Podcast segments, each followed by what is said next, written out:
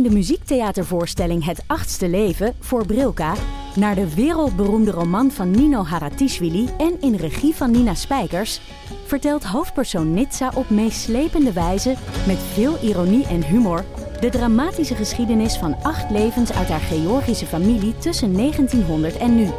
Een hartverscheurend en tegelijk troostrijk drama verteld vanuit het perspectief van vrouwen uit verschillende generaties. Waarbij het publiek meegenomen wordt op een emotionele, visuele en muzikale reis door de 20ste eeuw. Koop je tickets voor het achtste leven via oostpol.nl.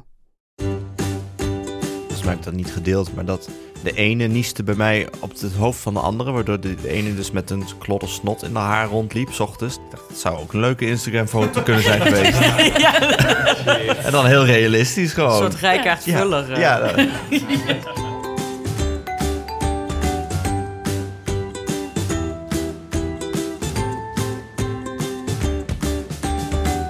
Hoi, ik ben Nienke de Jong, journalist en moeder van Janne van anderhalf. Met mijn vrienden Alex van der Hulst, vader van René van 5 en Jaren van 2 jaar, en Hanneke Hendricks, moeder van Alma van 1 jaar, praat ik in Ik ken iemand die over onze avonturen als jonge ouders. Nee, ze heeft al vlogs ontdekt, want die doet ze af en toe na, wat heel stom klinkt. Hoe doet ze dat? Hi! Hi, daar zijn we weer. Ze heeft echt dat toontje al. De intro voor de podcast heb. We wisselen tips en trucs uit om onze kinderen zoet te houden. We delen onze ervaringen met het ouderschap en delen nog sterkere verhalen over andere ouders. Ik moet trouwens nog, eh, nog be- eh, beslissen of ik je schoonvader ga toevoegen op Facebook. Dan zie ik misschien nog wel meer foto's van eh, Janne dan. Mijn schoonvader deelt alles op Facebook Ja, nou kijk, daarom. Ja, die moet je wel toevoegen op Facebook. Hartstikke leuk man. Maar weinig van... eh, ja, want jij hebt hem al op Facebook. Ja, Ja, ja. En, en op Twitter.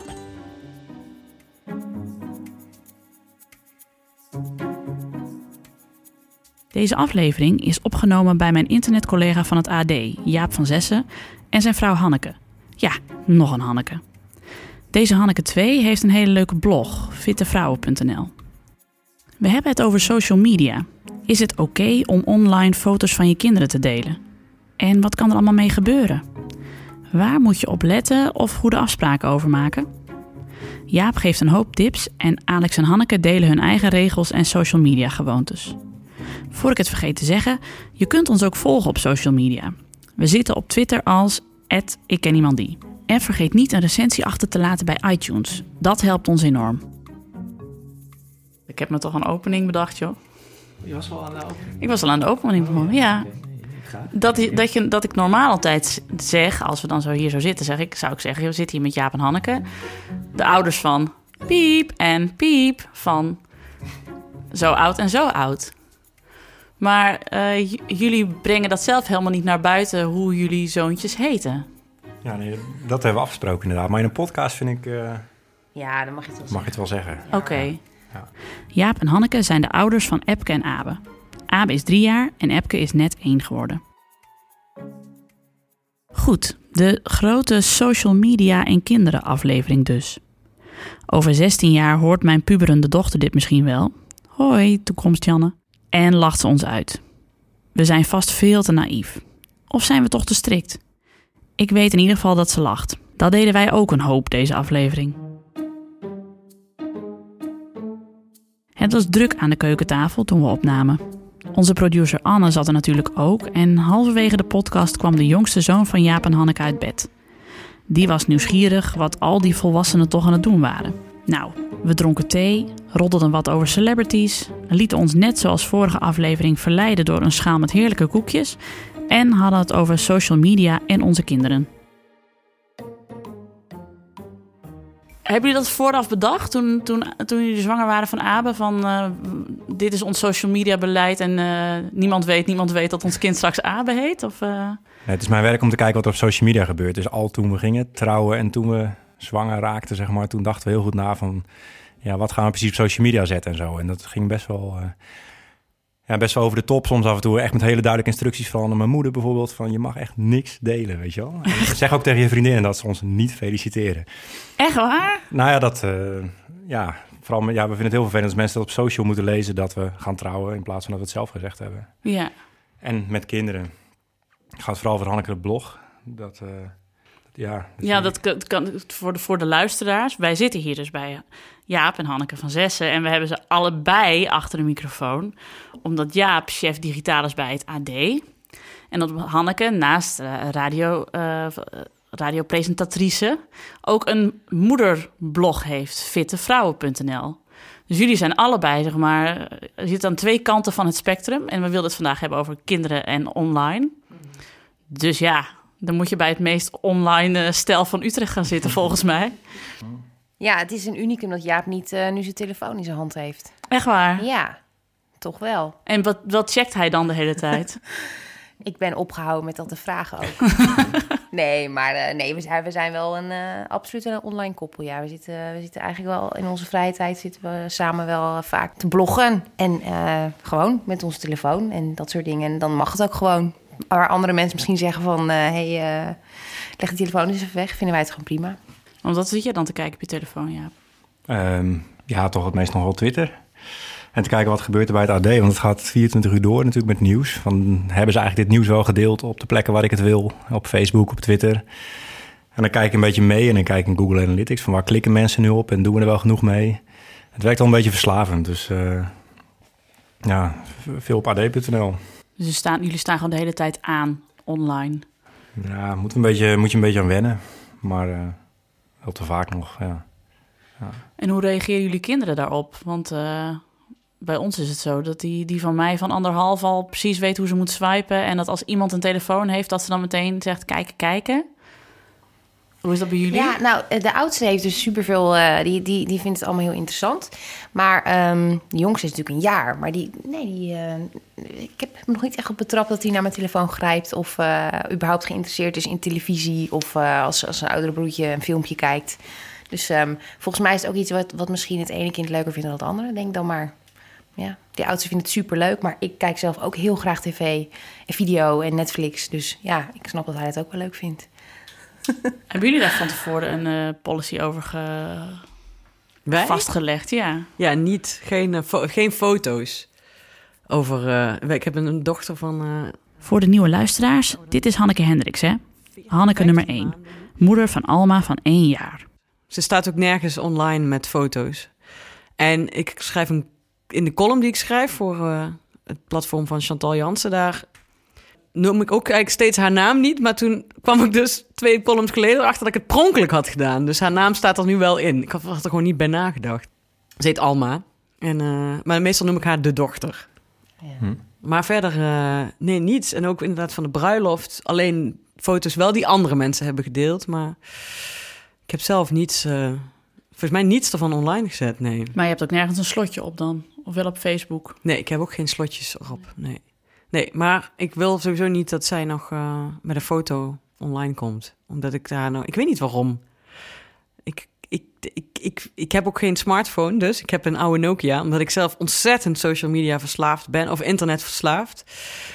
En op een of andere manier wil ik haar nog niet eh, daarin, daarin plaatsen of zo. Ja, dat klinkt zo raar. Dus alsof je haar social media verslaafd maakt door zelf haar op social media te zetten. Ja, want zij heeft daar eigenlijk geen zeggenschap over of zo.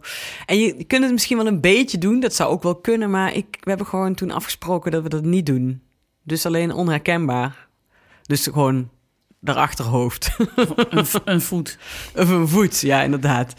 Maar ik. eh, ja, en daarom heeft ze dus ook inderdaad niet. Ze heeft wel echt. Ze grijpt iedere smartphone die ze ziet. Maar ze weet inderdaad nog niet, want ze mag daar eigenlijk niet aankomen ook. Eh, Is de, is de achterhoofdpolicy een soort bekende theorie? Want jullie hebben ook de achterhoofdpolicy, toch? Ja, dan heb je wel de schattige foto, maar dan, staat er, dan herken je het kind gewoon niet. Het is wel oh, schattig aan, aan zee met laarsjes. Weet je wel? Maar dan had eigenlijk net zo goed een ander kind Wat een leuke zijn. kinderkont. Punt. Ja. Ja. Althans, ik weet niet of dat bij jullie zo werkt. Ja, dat is heel, ja. heel bewust zo. Ja. En dus mensen die zien dan Abe, nu kan ik het wel zeggen. En dan eh, van, oh, het is leuk om een keer in het echt te zien, weet je wel. En, Ik wist dat hij blond was, maar eh, dat zien ze dan wel. Ja, het komt eigenlijk ook door mijn werk. En dat is een beetje eh, beroepsgedeformeerd. Omdat je dus gewoon eh, kan scannen op ogen. Dus ik, die techniek is er al. Echt? Dus als je Oh. nu wil zeggen, ik wil alle foto's van Mark Rutte, zeg maar. Dan weet je, dit zijn de ogen. Je voert één voorbeeldfoto in. En dan krijg je gewoon alle foto's waar hij op staat. Dus die ogen die veranderen niet. Dus alle foto's die wij nu online zetten, Klinkt heel nerdig. Nee. Maar die kun je in één keer boven water krijgen. Vergeef me alle foto's met deze persoon. En die techniek is nu nog Oh. een beetje basic. Dus die is pas een paar jaar zeg maar, waarop je terug kan zoeken. Maar ja, die techniek is er al. Dus in hun hele leven zal dat alleen maar verbeteren. En ik denk Mhm. over een jaar of tien... Nou, dat het gewoon heel, heel makkelijk is om... Ja, nu voer je woorden in, maar dat je dan gewoon ogen invoert. En dan krijg je al die foto's te zien. En daarom, dat is eigenlijk gewoon precies de reden waarom we het niet doen. Want verder wil ik alles wel delen. Maar ja, je kan het gewoon terug gaan vinden. Ja. Ja, een beetje... Maar het is, het is, ik vind het soms wel heel erg jammer. Want, Ja. ehm, want ze, ze- ik vind ze zo schattig en eh, ook zo knap. En eh, het is soms wel, soms wel zuur als je, andere, als je dan andere kindjes ziet. En dan, en, of ik maak een super vet leuke foto. Dan denk ik van, ah, deze kan, deze kan ik niet delen. Want je, wil, je wilt wel graag dat delen, toch wel. Maar stuur je het dan niet door naar eh, vrienden of zo? En dit is Alex, Alex van der Hulst. Dus Alex heeft twee dochters, René van vijf en Jaren van twee jaar, die al jaren zijn koekjes opeten. Dat doe ik wel eens als ik die neiging heb. Denk nou, eh, ik weet niet, dan ga ik in het wilde weg gewoon mensen die foto opsturen. Ja, via WhatsApp, ja. Dit is wel Dat ik me elke ja. vier uur s'nachts altijd foto's van Ja. jou krijg. En ik denk, ja, ja, ze slapen heel lief. Laat me nou met rust. Ja. Nee, maar dit is wel super herkenbaar. Want we waren dus vorige week in Centerparks. Mhm. Toen gingen de jongetjes met z'n, de broertjes gingen met z'n tweeën van de glijbaan. Zo die handen van het oudste, van het oudste broertje zo in, in Epkes babyvetjes, Mhm. weet Oh. je wel. Heel schattig. Die heb ik toen daarna naar iedereen, ge- naar al mijn vriendinnen geappt. In de familie-app van ons allebei. Gewoon omdat je er gewoon even wil laten zien hoe leuk ze zijn. Ja. Ja, dus inderdaad, dat doe ik wel. Ja, en Ja. dat is gesloten, dus daar kan Ja, niemand precies. erbij. Dus Nee, zodra de openbaarheid ingaat, ja, dan geef je het weg. Ja. En zolang maar achter een hekje staat, is het niet zo heel erg. Dat is een beetje het idee. Ja. Ja. ja, bij mij moet mijn man dan mijn, daar een foto van maken met zijn smartphone, die naar mij mailen. En dan kan ik die via de mail aan mensen doorsturen. maar goed, dat geldt. Volgende week koopt Hanneke een postduif om eh, nog sneller te kunnen communiceren. Ja, met, eh, Anne- Anneke staat wel eens bij mensen aan de deur hè, met een fotoalbum. ja, met een PowerPoint. Kijk nu eens. Ja, met mijn dia-projector. Nee, maar we hebben, nou ook een, we hebben ook een strikte online policy voor Hanneke Hendricks. Want die wil dan soms inbreken in WhatsApp-groepen waar ze niet meer in zit. Dan doet ze dat via Doris, maar daar wordt altijd streng tegen opgetreden. Want dat ze... Je wordt helemaal niet streng tegen Dan moet je, moet je gewoon weer... Dan mag je alleen maar met de... Ik ken iemand die... eh, eh, telefoon weer inloggen. En dan vinden we het goed. Maar Dat doe ik dan wel, ja. hé, hey, daar haalt er een. Is, is de oudste of de jongste, Hanneke? Dit is, eh dit is Epke. Ja, de, de oudste heeft geen babyfoon meer. Oh nee, Nee, die komt gewoon naar beneden als die wakker wordt. lekker. Dus wie weet zien we hem straks ook nog. En dan maar over de achterhoofdpolicy. Alex, jullie hebben toch ook achterhoofdpolicy? Of helemaal Eh, niet nee, policy? wij hebben geen, geen policy. Want eh, eh, ik had policy dat ik helemaal niks, eh, eigenlijk niks eh, wil delen. Ehm, ik weet niet meer zo goed. eh, nou ja, dat heb ik heel lang geleden gewoon zo besloten. Omdat ik gewoon wil dat ze als ze anoniem willen zijn, dat dat dan kan. Ook voor de rest van hun leven. Dus dat niks online staat. En toen zei mijn vriendin, die, die zei... ja, daar ben ik het eigenlijk niet zo mee eens. Dus toen hebben we afgesproken van wat zij wil delen, mag ze delen. Maar toen heb ik wel haar Facebook eh, behoorlijk op slot gezet. Dat was dan wel mijn... Dat was compromis. Ja. Maar dat is het enige waar ze het op deelt op, op Facebook. Maar ja, ik zat laatst ook al te denken, toen ik de podcast terugluisterde, denk ik, ja, dat is eigenlijk raar, want ik geef nu best veel prijs over hun, wat ze doen. En, maar die foto doe ik dan niet. Dus daar zat ik nog over te twijfelen eigenlijk, wat ik daarvan vond. Maar audio is veel minder... Ja, misschien komt dat later ooit ook wel. Maar audio is... Daar kun je bijna niet op zoeken. Nee, maar het is ook wel weer, ja, nee. Maar ik zat, ja, ik zat erover te, ik weet het niet. Ik weet ook nog niet wat ik vind. Maar ik dacht, ik zit heel veel te vertellen. En ik vind ook dat ze zich eh, er een soort vrijheid in hebben. Dat ze niet alles bekend hoeft te worden van... Ik weet ook niet wat ik er zou van hebben gevonden als mijn ouders dat hadden gedaan. Ja, kun je dan- zoeken op audio? Nou, die techniek eh, wordt nu een beetje ontwikkeld, ja. Ja. Dus, eh, Oh shit. Dit was de laatste aflevering van Ik ken iemand die... ja, nee, dat is bij callcentra en zo. te zeggen ze van tevoren van, nou, dit gesprek kan worden Oh ja, opgenomen. ja, Dan bedoelen ze niet mee, het kan. Nee, het wordt gewoon opgenomen en het wordt geautomatiseerd. Ze herkennen Mm. spraak en dat zetten ze om naar tekst. En als je tekst hebt, kun je zoeken. Ja. Dus dan kun je woorden gaan zoeken en zo. Dus en zeker omdat podcasts nu hip worden en dat er heel veel podcasts komt, audio. En ik heb, nou dat kan ik wel zeggen, bijvoorbeeld voor ING gewerkt. En dan Mm. eh, wilden ze weten als ING genoemd werd in de media. Dus op Radio 1 Journaal noemde ING. Dan kreeg de woordvoerder binnen een minuut een mailtje.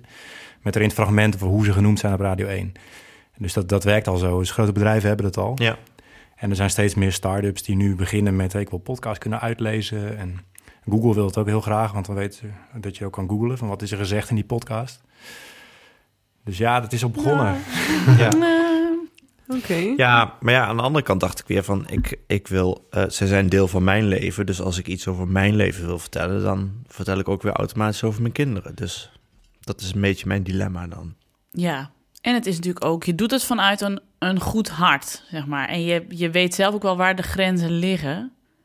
Dus ik bedoel, jullie vind ik het allemaal heel keurig. Ja, maar dat ik- krijg je misschien later te horen van, eh, van dat kind. Dat zegt, wat heb je nu gedaan vroeger? Ja, maar ik denk dus dat over een jaar of 16 mijn kind sowieso wel issues met mij zal hebben. Dat het niet alleen zeg maar hierover zal Ja, zijn. of met eh, media in wat voor vorm dan Ja. ook. Ja, Ja. Gisteren deelde ik een foto op Instagram. Nou doe ik dat wel vaker, maar die van gisteren was wel extra bijzonder. Het was een foto van mij, mijn man Tom en van onze dochter Janne. We kijken blij, onze glimlachende koppies vlak bij elkaar. En we houden wat vast. Een echo. Een papiertje met daarop de altijd onbegrijpelijke contouren van dat wat er in mijn buik zit. En lieve luisteraars, zoals ik gisteren ook al op Instagram deelde, we krijgen straks een zoontje en Janne een broertje. De 20 weken echo was goed en daar zijn we super blij mee.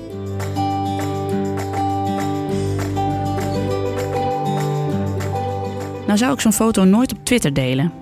Mijn Instagram en Facebook account heb ik afgeschermd, maar op Twitter ben ik voor iedereen te volgen. Daar pas ik wel op met dit soort familiekiekjes. Maar op andere social media deel ik graag foto's van Janne. Dat hebben Tom en ik zo afgesproken. Janne is een belangrijk deel van ons leven. We zijn ontzettend trots op haar en willen dat ook kunnen tonen aan onze vrienden online. Al snel kwam ik er in deze podcastaflevering achter dat dat nog niet zo gewoon is als ik dacht. Jaap, Alex en de Hannekes zijn daar veel voorzichtiger in en zometeen leggen ze uit waarom. Mijn dochter is zes en die zit de hele dag in de speeltuin. Maar er zitten ook meisjes van 10 en 12 in die speeltuin. En die zitten op Musical.ly. Musical.ly Oh is ja. het, eh, het medium voor, eh, voor meisjes uit die van die leeftijd. En Ik, dus weet, ik weet niet wat dat is. Nee, ja, het is een soort... eh, Ik wil het even uitleggen. Hanneke en ik Ja. eh, doen die hele leuke pasjes. Die horen bij Musical.ly. Ik heb van die nichtjes die dat doen inderdaad. het, weet je, kun je vertellen wat het precies is? Het is een social medium waarin je een, een, eh, dansje doet bij een muziekje. Je maakt een soort boemerang dansje eigenlijk. Het is een heel kort clipje waarop je een dansje doet bij een liedje. En gewoon van een muzikant. Dus, Ja. Ja, oké. Dus wel iets bestaans. Je hoort iets Justin Bieberigs en dan Ja. zie je iemand een soort van playbacken. Waar wij vroeger een hele bonte avond op de basisschool voor nodig hadden, daar hebben ze nu gewoon een app voor. En Ja. en ja, nou, mijn dochter staat daar dus al op, omdat die meisjes zeiden... hey, kom even dansen. Ja. En dan had ik dus natuurlijk hysterisch naar buiten kunnen rennen en roepen... nee, dit valt niet binnen de ja, ja. Alleen erachter. Alleen erachter op. Draai me om. Sia, zet maar een Sia-prank op. Ja. Ze mag alleen als Daft Punk, anders dan wil ik het niet op Musical.ly Danger hebben. Mouse. Ja. Ja. nee, maar toen dacht ik, ja, ja oké, dit is eigenlijk al haar eigen verantwoordelijkheid. Ook al heeft ze niet, weet ze niet waar het over gaat. Nee, en dat maar, is maar het is wel echt, want ik sprak een, een, een moeder die, die zei van, ja, ja dat zat, die zat er al wel een beetje mee. Want ze kunnen vrienden maken daar op Musical.ly met Mhm. mensen. En dan vroeg ze van, met wie ben je vrienden dan? Ja, die en die. En ken je iedereen? Nee, ik ken niet iedereen. Dus die moeder dacht, ja, dat kunnen ook mannen zijn die vrienden met haar zijn. En Ja, ze had een vriend van mij, die heeft een dochter en die zit nu al in de derde of zo. Maar toen hij in groep 8 zat, zat hij op Habbo Hotel. Ja. En dat is ook zo'n soort hotelspel, weet ik veel wat het is. En dan ging hij elke week met haar door haar contacten. En dan moest ze echt vertellen van wie is dat en waar ken je die van? Want daar zitten dus ook allemaal van die smeerpijpen op. Die zich dan voordoen als eh, Jennifer eh, 2011. Dan moet je even rekenen. 19. eh, Ja, precies. ja, precies. Van 1969. ja. ja, maar dat is. eh, En, en dat hou je bijna niet tegen, weet je. Want eh, zo'n man knipt een foto uit de weekampgids, gebruikt het als profielfoto. En zo'n, en zo'n kind van tien heeft echt niks door. Dus dat, maar dat, dat lijkt me heel lastig voor oudere ouders. Dat je, dat je zo. Je wilt je kind wel enige vrijheid geven. En je wilt het ook niet bang praten met van eh, de online wereld zit eh, vol viespeuken. En toch moet je daar een soort controleren. Ja, maar het is wel, ik moet nu, nu je dit zegt over viespeuken, het is wel een beetje, toch wel een beetje van alle tijden. Want ik zat op de, op de middelbare school eh, stond ik in zo'n eh, rubriekje op teletext, notabene, Mhm. van het VPRO. Dat was zo'n eh, zo'n penvriendenhoekje. Nou, dan deed ik dat met mijn vriendin. Hadden we allemaal een, een oproepje ingestuurd. En wij kregen, een, wij kregen allemaal een, een, ook post. Dat werd dan doorgestuurd door de VPRO... van een man met, met zijn leutertje eh, uit zijn broek. Foto's. En allemaal een foto's vieze- ingescand. heb, je Ja. die, heb je die foto nog? Nee, op Twitter nou, zetten. Uiteindelijk hebben die dus aan de politie moeten Oh, wauw, geven. Want, Jezus. want er waren dus, eh, waren dus nou, we zeggen, met 10 mei dat we dat gedaan. En we hadden allemaal een hele, hele vieze, vieze foto's gekregen. En vieze brief van, eh nou, vieze brieven.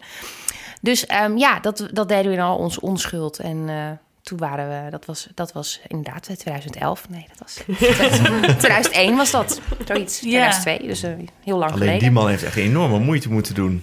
Ja. Ja, ja, en hij noemde zichzelf ook telkens anders. Het is een beetje sneu voor hem dat het naar,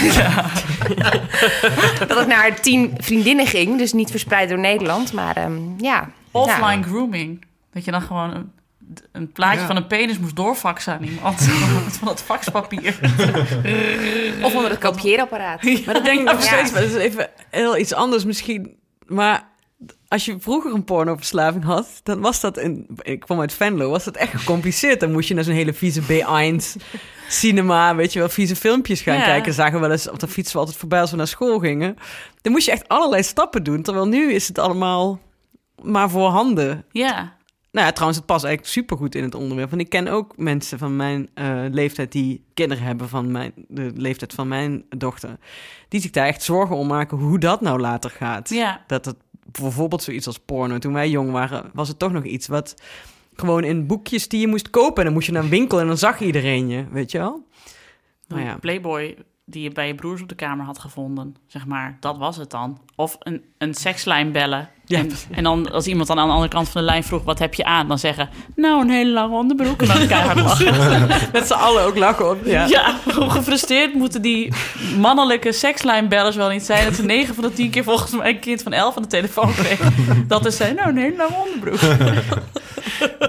Nou, we moesten de hitkrant vroeger dichtplakken. hè? Ja, precies. Voor een broertje. En de, de, de, de break-out. ja. break-out. de break-out. Ja, maar ik kwam er dus laatst pas achter dat dat gewoon eh, eh, Poolse jongeren waren... die dan eh 15 gulden wilden bijverdienen of zo. En die stonden allemaal in een blootje voor in de break-out. In zo'n overbelichte studio. Precies. Met Waar ze stoppels. allemaal heel bleek en Altijd. pukkelig eh op leken. En dat, daar stond dan dat dit is Melvin uit Krommenie. Maar dat was helemaal niet Melvin uit Krommenie. dat was Oh, gewoon Pavel bedrog. uit Krakau. bel even ad.nl. Sneaker de jongens achter het geheim van de breakout gekomen. Ja, maar dat is misschien ook het probleem. Ehm, nou ja, je maakt nu een beleid voor het online leven van je kinderen. Maar eigenlijk kun je nog geen voorstelling van maken hoe het online leven zal zijn als je kind 12 is of zo. Want onze ouders konden zich ook geen voorstelling van maken. Weet je, ik weet nog dat ik toen ik acht was of zo eh, naar het Huis van de Toekomst ging. Van Griet Titulaar met mijn broer. En dat ik toen nog weet, daar had je een beeldtelefoon. En dat ik toen ineens zo belde met de beeldtelefoon... en ineens zeg maar, het t-shirt van mijn broer op, op beeld zag verschijnen. Dat ik zei, je moet met je hoofd naar beneden. En hij zo, hallo! Oh my god, ik zie je gewoon. Dit is een beeldtelefoon. En dat Janne nu al niet eens... Ja, ze houdt nog wel een telefoon tegen de oren en dan zegt ze, hallo. Maar als, als ik iemand aan de telefoon heb, dan pak ze hem af... en dan kijkt ze eerst op het scherm van, is het FaceTime? Want het is al meer gewend Ja, dan gewoon ja. telefoneren. Ja, ja als, eh, als, als Jaap inderdaad... eh, vaak bellen we met de lunch, bellen we papa eventjes... als we zitten te eten. En dan eh, zit Abe ook altijd... Kijk papa, ik, ik, ik eet dit. En dan houdt hij zo... Dan zeg ik, nee Abe, het is alleen geluid. Weet je, nou, dan zit hij zo zit hij van alles te laten zien. Oh ja, en het is echt inderdaad gewoon gewend aan, aan het beeld al. Ja, Trouwens, onze ouders die stonden nog met eh, naam, adres en telefoonnummer in het telefoonboek. Hè? Ja, precies. Over Ja. privacy gesproken. Ja. ja. Ja. ja, bizar eigenlijk, hè? Ja, dat is heel raar. Ja. Dat is inderdaad wel gek als je erover nadenkt. Maar in het telefoonboek stonden natuurlijk geen foto's, video's, gifjes, waar je werkt en werkte, met wie je een It's Complicated relatie hebt, je favoriete eten, series, vakantieplekken, welk liedje op Spotify je luistert en welk level op Candy Crush je hebt bereikt. Moet je eens voorstellen hoe dik die telefoon iets anders was geweest, maar goed. Ik ken een hoop mensen die veel voorzichtiger en bedachtzamer met hun privacy omgaan dan ik. En dan is er nog het andere uiterste. Dat hoor je zo in mijn anekdote over mijn lieve vriend en oudbaas Paul de Leeuw. Maar ik vind het wel lastig of zo. Ik weet nog dat toen ik zwanger was van Janne... of toen ik net van haar was bevallen... toen beviel een kennis ook net van haar dochter. En zij had toen... Zij is nog meer online dan ik. En zij had toen ook echt een soort van statement van... waarom ik mijn kind niet online zet. En eh, een hele idee daarachter en zo. En dat vond ik toen zo sterk. Maar ik zat toen echt vol in de hormonen... en wilde alleen maar de hele tijd foto's delen. En... Ja, want ik weet nog toen jij... Op... Oh nee, maar jij hebt, jij hebt je Facebook ook wel afgeschermd, Ja, heb ik hè? helemaal afgeschermd. Dus dat jij Dat de echo-foto's niet. hebt gezien? Ja, want ik wist, want ik dacht dat dat gewoon openbaar was. Nee. En toen dacht ik, huh? Nee, maar dat was dus heel gênant eh, voor de luisteraars. Ik had een 20 weken echo op, de, op Facebook gezet, maar mijn Facebook is helemaal afgeschermd. Dus dat kon alleen, mijn vrienden zien. En ik zeg, nou, alles lijkt goed, we zijn heel blij, zoiets. Maar ik werkte toen voor het tv-programma van Paul de Leeuw. En ik had Paul ook als mijn Facebook-vriend. Dus die had daar gezien van, hey, Nienke is zwanger. En die zei toen in de laatste uitzending van het seizoen... Zei, nou, en Nienke heeft leuk nieuws, Nienke is zwanger. En je ziet mij ook echt op beeld een soort van... Nou, echt totaal van het padje. Ik wist ook helemaal niet wat ik moest zeggen. En ik zo, eh, ja... stond Maar die echo-foto werd natuurlijk ook gebeamd, of niet? Op Nee, het wel foto's achterscherm? van ons dat we hem vasthielden. Ja, ja. Het was heel erg. En dat was dus mijn tante Els wist nog niet eens dat ik zwanger was. Die zei, ik zag op tv dat je zwanger bent, gefeliciteerd. Nou, dat vond ik zo erg. En dat ik ook na de uitzending naar Paul, ik zo, ja... Dat jij alles online deelt, prima. Maar ik had dit afgeschermd. Hè? Je had het even moeten vragen. Je hebt me echt voor het blok gezet. Vond het heel erg. Maar ja, was live. ja. Ja. Dus eh, nee, het het was niet live, maar het was wel heel lastig eruit te knippen, zeg maar. Want dan was het echt zo, oh, Nienke zegt de hele uitzending niks. Dus dat was ook een beetje gek. Dus eh, ja, mijn dochter heeft een spetterende start gehad op de Nationale TV. Iedereen wist het meteen. Maar daardoor ben ik ook wel wat eh, huiveriger geworden of zo. Ik zet sowieso niks op Twitter. Want Twitter heb ik nog geen slotje op. Maar daar, daar wil ik mijn dochter echt niet op hebben. Want daar heb ik ook zoveel klootzakken die me volgen... en dan de hele tijd al rare, nare dingen over mij zeggen. Ja, die moeten dus echt niet beginnen over mijn dochter. Want dan... eh, Oh nee, vreselijk. Maar ik heb, ik heb een paar vrienden die gewoon compleet anoniem zijn, ook bewust op internet. Dus die naam vind je ook niet. Wat ik dan als, als journalist vind ik dat de meest vreselijke mensen als ik die moet hebben. Dat kan ik dus nergens vinden. Ik kan bijna iedereen vinden op een of andere manier. Ik heb allerlei trucjes ervoor. En dan weet ik ook wel van hoe, hoe slecht internet in elkaar zit. Want ik kan, bij, kan bijna iedereen vinden. wat zijn je trucjes dan? Kun je daar een paar delen? Je hoeft niet allemaal te delen, want dan... Wel Ja. allemaal delen. Je kan gewoon op Kamer van Koophandel vaker kijken. Dan, dan zie je, en eh, als iemand eh, een eigen bedrijfje heeft, dan zie je een, een naam, adres en eh, telefoonnummer. Oh ja, natuurlijk. Het handelsregister. En verder ga ik, maak ik vaak via LinkedIn contact, of via Twitter of via Facebook. En het is opvallend hoe weinig mensen hun Facebook hebben afgeschermd, of dan wel hun vrienden niet hebben afgeschermd, waardoor je weer via vrienden erop kan. En, Oh ja. eh, en dan, kan ik wel via via aan iemands adres komen als ik iemand wil spreken. Dat is ook niet dat ik er rare dingen mee doe, maar ik wil Nee. soms gewoon iemand benaderen. Maar er zijn ook mensen die ik niet kan benaderen, omdat ze nergens te vinden zijn. En als je die keuze maakt, wat ik gewoon wel respecteer, dat zouden dan eh, kinderen niet kunnen als die ooit al ergens hebben gestaan. Want dan kan ik alweer ergens een link leggen. Ja, Dus de optie om geheel anoniem te zijn, ehm, wou ik eigenlijk voor mijn kinderen bieden. Eh, en ik weet niet of dat gaat lukken, maar dat, wou, dat wilde ik in ieder geval. Ja, en dat snap ik ook wel. Nou, wat ik vooral, wat ik vooral altijd lastig vind, is ik volg ook wel van die vloggers die dan ook jonge kinderen hebben, die dan hun kind echt een soort inzet als een soort van ja, prop in hun filmpjes.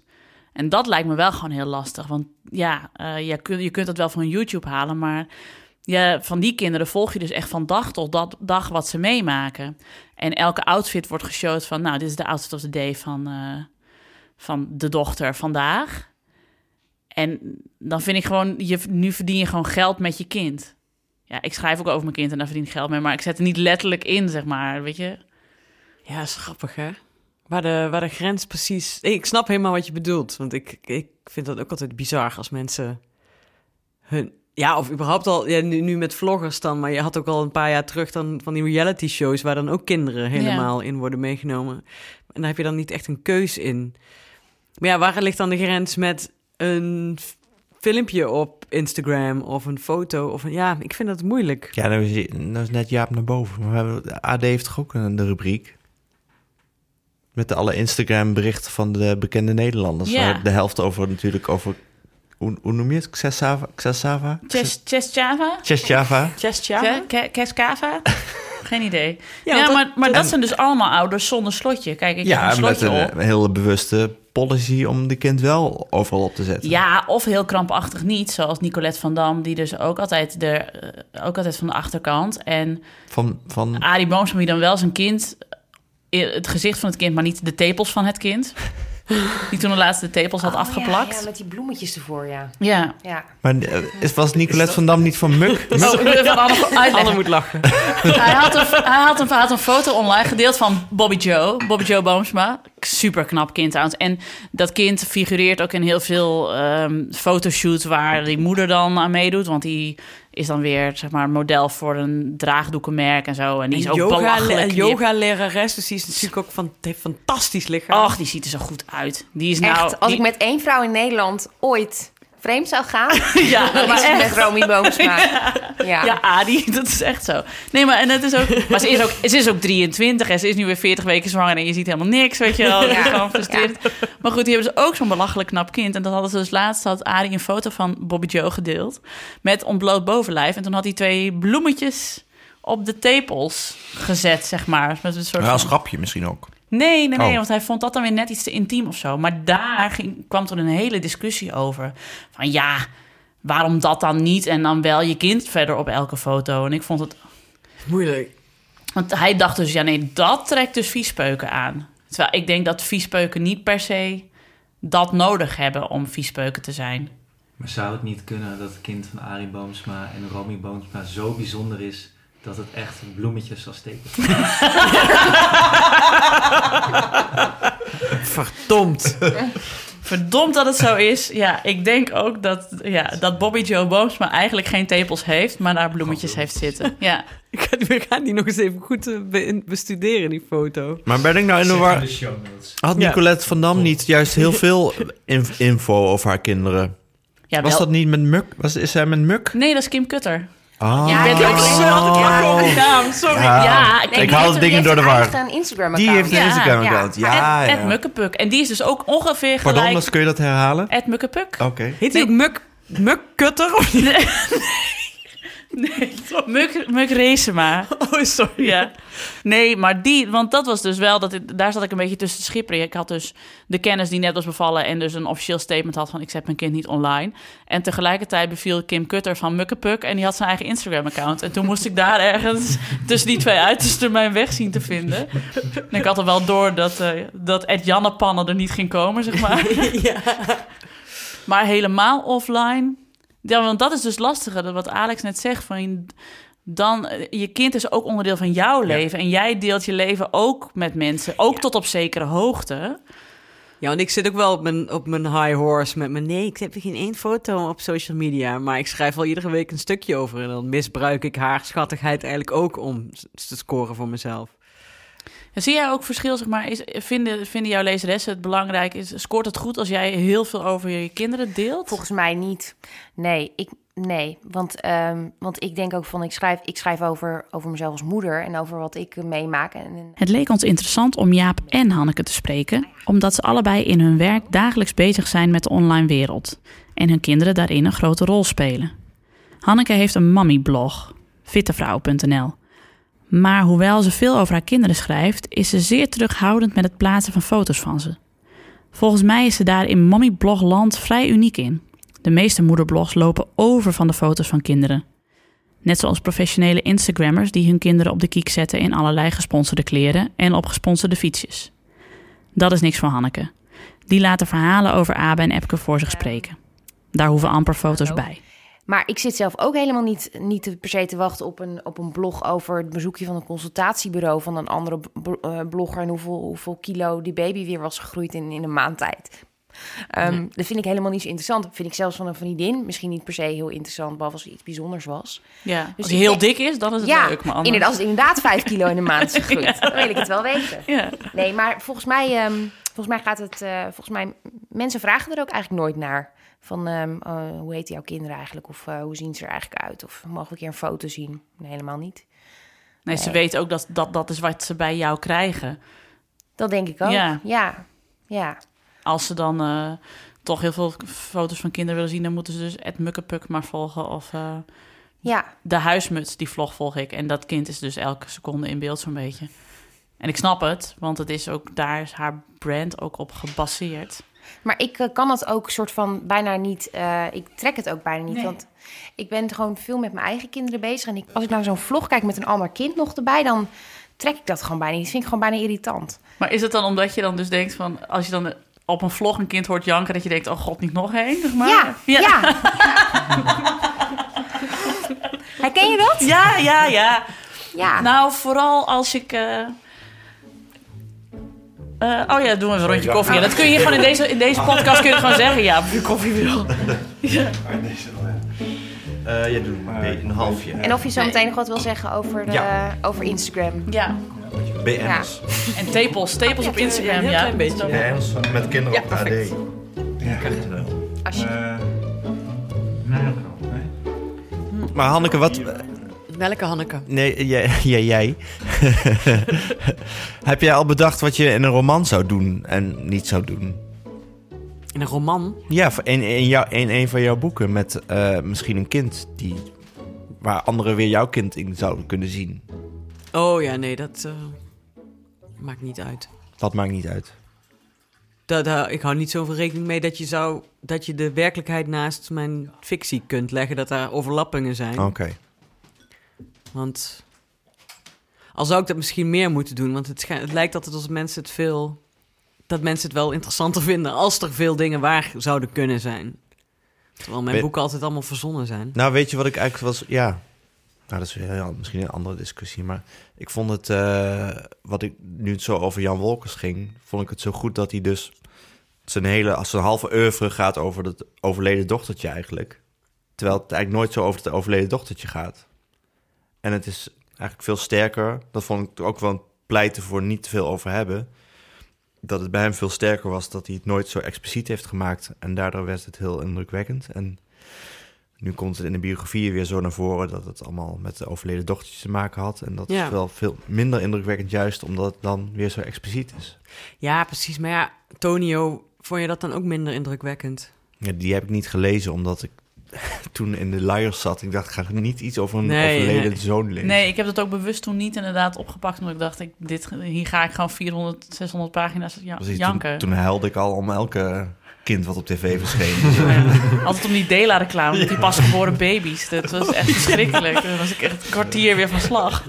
Dus nee, dat begint niet Antonio. Nee. Nee, nee, dat is, nee. nee, dat is ook bij de Voice Kids. Kijk, ik vond het verschrikkelijk altijd. En nou vanaf dat Alma ook nog maar één de hoofdhaar uit, uit, zeg maar, in de buitenwereld had... moest ik al huilen bij elke noot die bij, bij de Voice Kids wordt gezongen... omdat ik dan zo ontroerd ben. Ja, echt? Ja, maar Ja. ik heb ook bij de Voice Kids dat ik denk... dat zou ik mijn kind nooit aandoen. Dat ik daar ook, dat ik juist daar weer veel beschermder in ben geworden. Dat ik het vroeger al dacht van... ja joh, exploiteer je kind, kan mij het schelen. Ja, ik schrik er ook van als je dan zo'n zo'n kind van, eh, van 13 ziet of zo. Dat lijkt, die lijkt gewoon al volwassen. Daar schrik Ja. ik van. Dan denk ik, jemig, nog een paar jaar. En dan, eh, Over Zijn- tien jaar heb jij zo'n kind. ja, maar ze zijn, Ja. zo, zij zijn zo, al zo oud of zo allemaal ineens. In Ja, de want Voice dat, Kids. Want dat, maar dat komt volgens mij ook door het internet. Dat kinderen nu, eh, weet je, toen ik 15 was, toen wist ik niet hoe je je wenkbrauw moest epileren, want er was niemand die mij dat ging vertellen. Nee. Of het moest per ongeluk een keer in de fancy staan. En, dus je, en hoe je je moest opmaken, wist je ook niet. Dus je kocht maar zo'n glitteroogpotlood van de HEMA. En dat was het dan. En nu heb je van die beauty tutorials op YouTube. Dus meisjes van 14 weten al precies hoe ze een smoky eye moeten maken. Terwijl ze amper oogleden hebben om het op te smeren, zeg maar. ja, maar mijn dochter van zes doet op basis van, van vlogs maakt ze al slijm, wat dan helemaal in is nu. Oh, Klein, slijm. klein en slijm maken, ja. Daar heb je vlogs over. Over Ja, en over het uitpakken van kindersurprise-eieren. slijm. Maar wat? Slijm, ja, van, eh, wat vroeger eh Silly Putty heette. Met lenzenvloeistof en zo, ja, toch? Met Ja. lensvloeistof en, eh en eh Wat je vroeger van wasmiddel maakte in een, in een plastic zakje. Ja. Heet het nog ja. smur- smurfensnot? Ja, ja. Dank je, oké. Nou, daar heb je nu hele populaire vlogs over. Maar het schijnt ook, ik las zo'n eh, zo'n heel lijvig, al een tijdje terug, eh, artikel in The Atlantic, ook zo'n online Amerikaans tijdschrift. Doe maar, doe maar duur. Doe maar duur. nou, maar ik kan wel iedereen aanraden om dat even te... Gewoon als je googelt op The Atlantic en smartphone, dan krijg je een heel lang artikel. En dat gaat dat met onderzoeken over ehm, jongeren en smartphonegebruik. En hoe dat invloed heeft op, op depressies. Maar je hebt dus veel minder tienerzwangerschappen op dit moment in Amerika. Omdat, men, omdat jongeren elkaar niet meer zien. Zij krijgen ook later hun rijbewijs, want ze gaan later de deur uit. Want ze zitten gewoon achter een scherm thuis. Maar ze zijn dus wel depressiever. Minder zwanger. dat dan weer wel. Maar ik vond het super interessant. Ja, ik, ik, ik vertel nu maar een paar dingen eruit. Maar eh, Ja, ik denk dat het good old vervelen er wel van af is, zeg maar, voor kinderen. het is zo confronterend. Want ik was dan vroeger verliefd op... eh, oh, ooit kun je dit googlen. Heel erg verliefd op Daan van Mossenveld. Bij ons op de middelbare school. En dan... eh, kijk, zodra je dan... Daan van Mossenveld. Ja, dit schijnt nu een heel goed lopend bedrijf te hebben. Dus het was misschien toch achteraf een goede partij. Ja, hij, hij was heel populair en ik helemaal niet. Ik was zo'n gekke alto, dus... eh, hoe dan ook. Maar dan, dan had je alleen die tijd dat je op de middelbare school eh, bezig was. ja, zo. Er wordt er op de achtergrond gehuild. Ja. Ehm, wat wil ik nou zeggen? Oh ja, eh, dan was alleen de tijd dat ik op de middelbare school zat... was ik in staat om hem te zien of in contact te proberen te komen. ja. Terwijl nu houdt dat niet op, weet je wel? Nee. Nu ben je dag en nacht, is die mogelijkheid er als je op de middelbare school zit. Dat zou voor mij echt als puber dodelijk zijn geweest. Dat was, ik, ik, was, ik was nooit van de middelbare school afgekomen als dat toen al mogelijk was. Weet je, ik was dan verliefd op Joop, maar de hele klas was verliefd op Joop. En die zat ook, of die zat niet op dansles, maar toen was ons wel ter oren gekomen dat hij misschien wel naar een dansoefenavond zou gaan. En toen schreef ik had een schrift met een vriendin waarin we dan verhaaltjes naar elkaar eh, schreven. En dat ging dus wekenlang alleen maar over: komt Joop op de dansoefenavond, ja of nee? En zo ja, wat gaan we dan doen? En zo ja, wat trek jij aan? Dit ging dus allemaal op papier heen en weer, hè? Zo op, op school dan schriftje weer doorgeven en dan weer schrijven over: ik heb een leuk shirtje bij de Cool Cat gekocht. Ik hoop dat Joop het leuk Ja, vindt. ja, ja, precies. Het, het is een vrij dramatisch verhaal geworden, want Joop was op de dansoefenavond. Eh, wij stonden met twee cola in de hoek.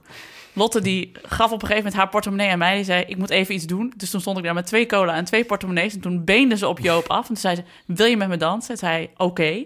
En toen liepen ze samen naar de dansvloer. Maar het was zo druk dat ze zijn hand heeft losgelaten. En toen is er niet gedanst. Oh nee! Ja, ja, dat is vreselijk. Dat is echt vreselijk.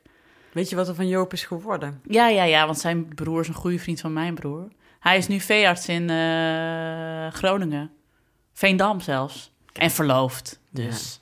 Ach, en wij zijn ook allemaal doorgegaan met leven. Maar dat was toen. Die avond. Als je dan de verhalen in het schrift leest over de dag daarna... dat Lotte echt... Ik kan mezelf voor mijn kop slaan. En hoe heb ik het, hoe heb ik het zo fout laten lopen? En ik had hem vast. En Dus dat was gewoon WhatsApp avant la lettre Echt? eigenlijk. Alleen dat hield dus op zodra je thuis was, dan had je rust. Ja, want dan, Dan had je een had je- stukje geschreven over hoe je dag was geweest. En dan moest je wachten tot je de volgende dag het schrift aan de ander kon geven. Zodat die een verhaaltje over haar dag kon schrijven. Maar had je geen MSN of zo? Ja, op een gegeven moment wel. Maar dit was echt de tweede klas of zo. En ik denk dat het MSN echt vanaf... Volgens mij had je helemaal Vierde? geen rust, want je hebt je de hele avond dan op zitten vreten nog. Ja, maar je had geen communicatiemogelijkheden. Je zat dan gewoon met jezelf jezelf op te vreten, maar je kon niet zien wat andere mensen zeiden of je kon geen reactie krijgen op iets wat jij zelf had gezegd. Snap je? Ja, schreef- maar ik me dat af dat- te vragen of, de, wat, wat er nu, of dat nu slechter is dan. Ja, dat lijkt dat is het slechte aan de hele social media, dat je dat je steeds eh, bezig bent met jezelf af te zetten tegenover wat er om je heen gebeurt. Terwijl als je alleen thuis bent, dan is daar geen, komt er geen externe reactie op. Dus ben je alleen met jezelf. En ik denk Ja, dat dat ja. heel gezond Nee, is kijk, voor mensen. Ja, Ja. ik kon dus via via horen van de, de zus van Lotte... die weer van een vriendin had gehoord... dat Joop misschien op de dansoefenavond zou zijn. en daar konden we dan over speculeren... als we elkaar gingen bellen op onze huistelefoon.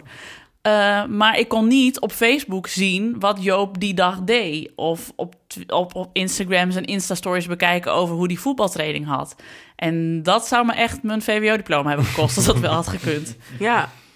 Ja, tenzij Joop er niet online was. En, Ja, niet vindbaar. precies. Alleen via de Kamer van Koophandel. Ja. Joop Veehart. Dat moet wel. Forever. Ah, vet veel mensen gaan hem nu googlen. Ja. Ja. Hij is een hele leuke jongen nog steeds om Ik te ga hem zien. googlen zo meteen. Dat is echt goed. Hij zal niet weten wat hem overkomt. Berichtje sturen. Mm. Nee, maar ja, ik weet, ik weet echt niet of dat... ehm, want kinderen ver- vervelen zich nu ook met, met eh, filmpjes en tablets en zo. Want dat wordt saai na een tijdje. Dat merk ik bij mijn dochter, die verveelt gewoon. Ja, die vindt ook niet zo heel interessant, al die, al die series. Die kan het een uur kijken en dan zegt ze, ja, ik verveel me. Dus ja, die verveling is... Ja, goed, ik weet niet hoe het is als ze op social media gaat zitten ooit, maar... Of als, als ze echt vlogs gaat ontdekken van mensen zoals Enzo Knol of meisje Jamila. Of... Nee, ze heeft al vlogs ontdekt, want ze- die doet ze af en toe na, wat heel stom klinkt. Hoe doet ze dan? Hi! dat doet ze dan in de spiegel. Hi, daar zijn we weer. Ze heeft echt het toontje al. De intro voor de podcast heb. Hi, ik ben René, welkom Ja. bij mijn vlog. Ja. Ja, dat, het kan ook gewoon al nu een vlog als ze dat wil. Ja, maar dat, zie, dat was, heb je de, de tegenlicht niet gezien met het meisje van 12 dat een vlog had met de moeder die aan het filmen was? Ja, dat, is dat Limburgse meisje. Ja. Ja, en Shane Kluivert. Ja. Shane Kluivert heeft gewoon een boekencontract. Ja, en een sponsorcontract met eh, Nike. En, En die is negen of zo? En hij is negen en hij is, hij, hij is niet alleen voetballer, want hij voetbalt dan bij Barcelona nu. En dat is zoontje van Patrick Kluivert. Hij voetbalt bij Barcelona, hij heeft een kookblog. Ehm ja, die gast is... Ja, hij kookt. K-K-O-O-K hoor. Ja, met uh, KOK, ja. Oh, dat. Nee, Ja, hij zegt dan zo, hi, ik ben Shane, welkom bij mijn vlog. Vandaag ga ik een hele lekker pasta maken met courgette. Moet ik eerst even naar de markt om courgette te kopen. Gaan jullie mee? En zijn gaat hij- negen? Ja, en dan gaat hij dus naar de markt. Zegt hij, hey Marco, mam, mag ik vier courgettes? Oké, dankjewel. En Ja, dan, Super schattig. het is heel schattig. Ja. Maar het is ook heel creepy. Of ben ik de enige die dat heel creepy vindt? Dat is een beetje een twijfelgeval, vind ik. Wat vind je er eng aan? Omdat hij zo wijs al is. Dat ik denk, ah, lieve jongen, ga gewoon, eh, ja, wees gewoon kind of zo. Als je negen bent, moet je gewoon... Uh, courgette, ah, nee, Ja. nee, zoiets. Van, ik ga, ja, precies. Van, eh, hij is heel bezig met gezond eten. Maar misschien is het ook weer meer van deze tijd. En dat wij toen alleen maar konden zeggen... Hi, ik ben Nienke, welkom bij mijn vlog. We gaan vandaag pannenkoeken bakken. Want verder lust ik niks. Tot de volgende keer. Ja, ik vind hem juist niet fake. Daarom is hij juist een leuk ventje. Omdat hij gewoon echt zo... Hij lijkt echt zichzelf te zijn. Ja. Daarom is het zo eerlijk. En ja, omdat vind- hij ook wel gepest werd op Instagram. En toen, dat mensen toen ook echt heel Instagrammers voor hem opnam. Dat vond ik heel lief. Ja, dat is lief. En zijn oma reageert altijd op Instagram en zo. En ik vind het ook wel charme hebben van Patrick Kluivert... dat hij weet van wat media doet. Want dat weet hij ook wel inmiddels. En dat hij dan toch zijn zoontje die vrijheid geeft. Van, joh, doe het maar. En je vindt het leuk. Ga maar. Hij zal echt niet gepusht hebben. Dat vind ik op zich wel tof. Maar wat denk jij bij al die eh, kinderen die je zelf, of dat ze een eigen vlog hebben en je ziet ze verschijnen op, op de sites, of dat een ouder ze erop zetten? Wat denk je dat het in de toekomst gaat, met ze gaat doen? Of wat het voor gevolgen heeft? Of... Ja, ooit komt het boven water en dan, eh, dan moet je het er nog eh, dan moet je het onder ogen kunnen zien in ieder geval. Dus je, moet gewoon, je wordt er altijd mee geconfronteerd een keer, dus wat online komt. En ik vind dat de, de rol van de ouder, die is heel belangrijk. Dus wat Mm. Nienke net zei over het meekijken, of tenminste die moeder die meekeek. Ja, dat zul je moeten doen. Kijk gewoon mee met wie praat je eigenlijk. Dat is wel super belangrijk. Mhm. En als je dat goed uitlegt, nou dan, ehm, dan ben je wel ver, denk ik. Ja, we hadden het net toen je, toen je boven was ook over die. Eh, AD heeft toch ook zo'n dagelijkse round-up van wat de, wat de sterren dan op Mhm. Instagram zetten. En dan zie je dus heel veel kinderen. Showbites. Showbites, ja. ja, maar wat denk je dat het voor die guilty pleasure. ja, inderdaad, ik kijk het ook. Maar wat denk je dat... het- heb je een idee of een, een inschatting wat dat later voor die kinderen gaat doen? Of dat ze dat... eh, Ja, kijk, die André Hazes, eh, de derde, zeg maar. Dus Ja. het- Oh ja, inderdaad, die zie ik ook Het overal. zoontje, die, die komt gewoon... eh, elke dag is er een post met die, met Ja. die jongen. En ja, hij, hij zal waarschijnlijk toch wel bekend worden... omdat hij nou eenmaal een bekende opa en een bekende vader heeft. Maar hij zal nooit meer kunnen zeggen... joh, ik heb hier helemaal geen zin om hier niet aan mee te doen. Nee. Dat vind ik wel echt heftig. Maar dat het een baby is en zo. Ja, Ik nu je dat- het zegt, je hebt natuurlijk eh, heel veel tragische verhalen van kindsterren... die dus ook een hele jeugd in beeld zijn geweest. En Ja. daarna, ja, dat het... Ja, dat je iets verwacht misschien en dat het allemaal misgaat. En... Ja, ja, nee, dat heb je gewoon. Het is gewoon... Ja, je geeft gewoon geen keuze. Je moet gewoon kinderen wel zelf de keuze geven. Die Shane Kluivert, volgens mij wil hij gewoon zelf eh, in beeld. En dat vindt Mhm. hij leuk. Nou, als iemand het leuk vindt, prima. Maar als je één jaar bent of nog een baby... Ik vind het wel heftig. Met die, Ja. eh, Ja, maar wat dan de allernieuwste trend is, daar las ik laatst ook over. Ik denk ook op ad.nl, want het heeft gewoon hele goede artikelen. Nee, maar dat is, eh, dat is dus dat BN'ers hun, de naam van hun kind dus echt niet meer bekendmaken. En dus dat ook bijvoorbeeld op het KDV die kinderen niet meer bij hun naam genoemd mogen worden. Bijvoorbeeld de zoon van Gijs Naber en Tekla Reuten. Die wordt dus Naber genoemd op het KDV. Die heeft dus wel een voornaam, maar niemand weet, niemand weet dat hij dus nou, Repelsteeltje Naber heet, OED. Dus, en dat was ook met de zoon van Tom Hofman, geloof ik. En er was nog zo'n BN'er die dat zo had gedaan. Dat, dan, dat is wel weer heel extreem, toch? Of, Ja, dan denk ik van... Maar, maar dan... ehm, ik snap het een beetje waarom ze het willen, maar dan moet je zelf ook uit, de uit de publiciteit treden als je dat wil. Als je Volgens niet... mij zitten Tekla Reuten en Gijs Naber ook helemaal niet eh, op social media. Of wel? Nee, maar ik bedoel, ze, ze, ze verdienen hun geld ook omdat ze in de publiciteit zitten. Omdat, niet omdat Ja, ze boekhouder zijn. En dan, Dat- ja. dan vind ik dat, ja, oké. Maar dan vind ik wel dat je over je kind mag zeggen... nou, dan wil ik niet dat hij al bekend is... omdat Nee, iedereen dat- zijn naam weet. nee. Maar geef hem dan een schuilnaam of zo. Of zeg, geef Ja. hem, waarom, waarom moet je dan zo weer zo uitgebreid zeggen Ja, van ja, wij, wij geven hem... Nee, dan zeg je gewoon, nou, en we, Hij en we noemen hem Piet. Nou, hartstikke leuk. En dan blijkt hij uiteindelijk gewoon Aard te heten of zo. Aard Naber. Nee, maar ik bedoel, er zijn toch talloze anonieme kinderen van bekende Nederlanders... die, die eh, ja, als je de voornaam weet, dan kun je nog prima anoniem blijven, toch? Ja, want ik denk dan ook, ja, Tom Hofman. Niks te nadelen van Tom Hofman, maar I don't give a freaking shit hoe het kind van Tom Hofman... Ik weet niet. Dat André Hazes zegt van... Henk Hazes, weet je wel. De derde hoep. Sorry. Nee, maar dan vind ik ook, je maakt jezelf ook wel weer redelijk belangrijk daarmee. Het is een beetje interessant doenerij. Precies. Dat bedoelde ik, ja. Ja, dat ja. Ik, ja. Dat, ik zou op het kin- kinderdagverblijf moeten zeggen... nee, ze heet Janne, maar noem maar maar gewoon De Lauw. Dat ze zo op het speelplein hey, De Lauw binnenkomen. Dat is toch gewoon raar? Dat is ook wel heel leuk. hey, de Lauw. Of we noemen het, wat, hoe was het ook weer? We kunnen er ook, hallo!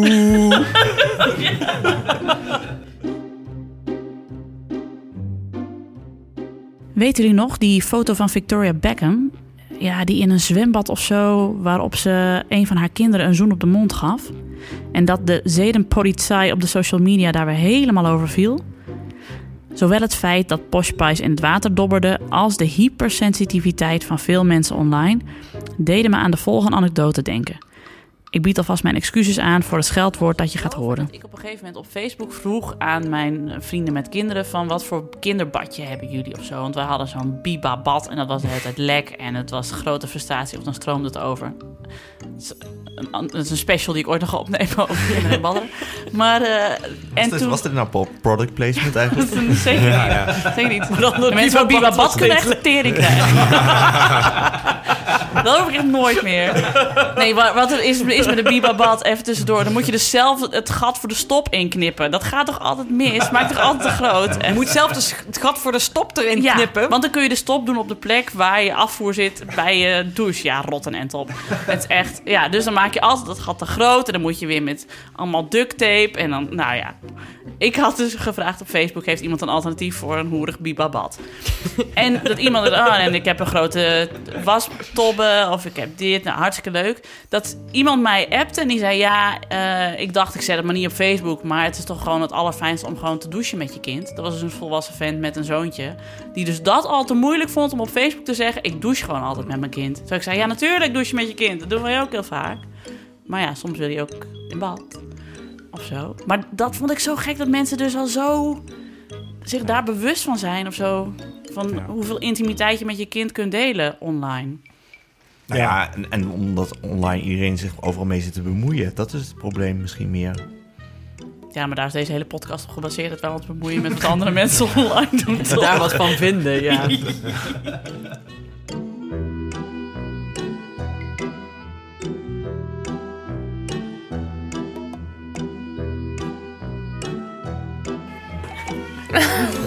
hey, anders haal hem er heel even uit.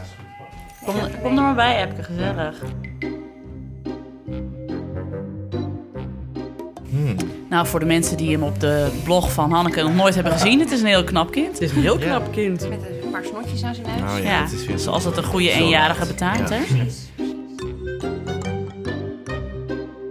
Ja, jij had toch gevraagd, Hanneke, wat, waren, eh, eigenlijk, eh, wat was de consensus onder jouw vraag online of mensen hun kinderen online zetten?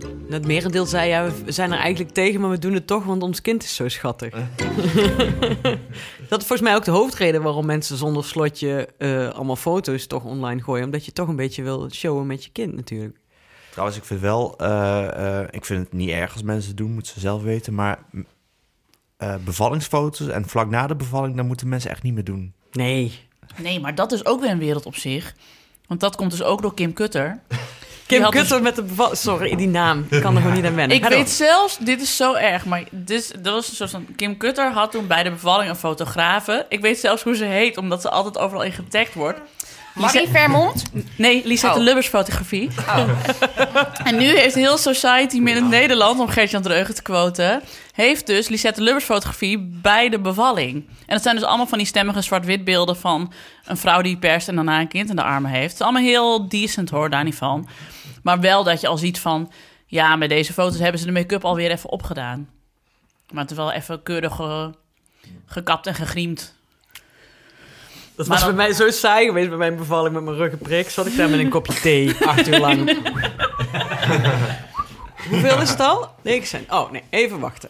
Ja, bij mij was het een keizersnee. Ik lag er dus een soort, een soort van gekruisigd, zeg maar, op zo'n plank... eh, terwijl ze een kind uit me trokken. Ja, ik weet niet of Lisette Lubbers fotografie daar iets van had kunnen maken. Stemmig zwart-wit. Nee, maar dat is dus ook alweer, zeg maar... Dus het, het begint steeds vroeger. Eerst was het dus zo van... Bij de als- conceptie. ja, precies. Met mevrouw Lubbers, zo heel stemmige foto. Maar geen tepels in beeld, hè, want dat mag niet van Arie Boomsma. Nee. Bloemetjes. ja. Nee, maar dat is het dus, zeg maar, dat je... In, in onze jeugd had je dan, zeg maar... eh, het jongetje van de, van de pindakaasreclame... of van Petje Pietje Mientje, weet ik veel of zo. Van die schattige kleuters die dan op tv waren. En nu heb je dus baby's die al vol ingezet worden door hun ouders. Ja. Dus dit, het wordt steeds vroeger en het wordt steeds meer, om, omdat je steeds meer kunt delen. En je weet dus niet waar het eindigt. Ik ken iemand die die Petje Pietermientje kent. Echt waar? Ja. Maar Petje Pietermientje zal ook al 40 zijn nu, toch? Ja, die is, ons, die is mijn leeftijd, dus bijna 40 inderdaad. Nog lang geen 40. Ik ken Petje Pietje Mientje alleen van, eh, van 30 Seconds. Dus Oh, één- ja, daar staat, op een van die kaartjes staat, staat dat. Petje Pietermientje. En dan Geen weet natuurlijk idee. iedereen onder de... Nee, Ik ga er eens achteraan. oké. Ik weet Maar niet wie dat is. van eh, een reclame, en dan zei hij... Ik weet niet. Zo, gezondheid, jongen. Lekker snotterige Niks gebroken? Zo.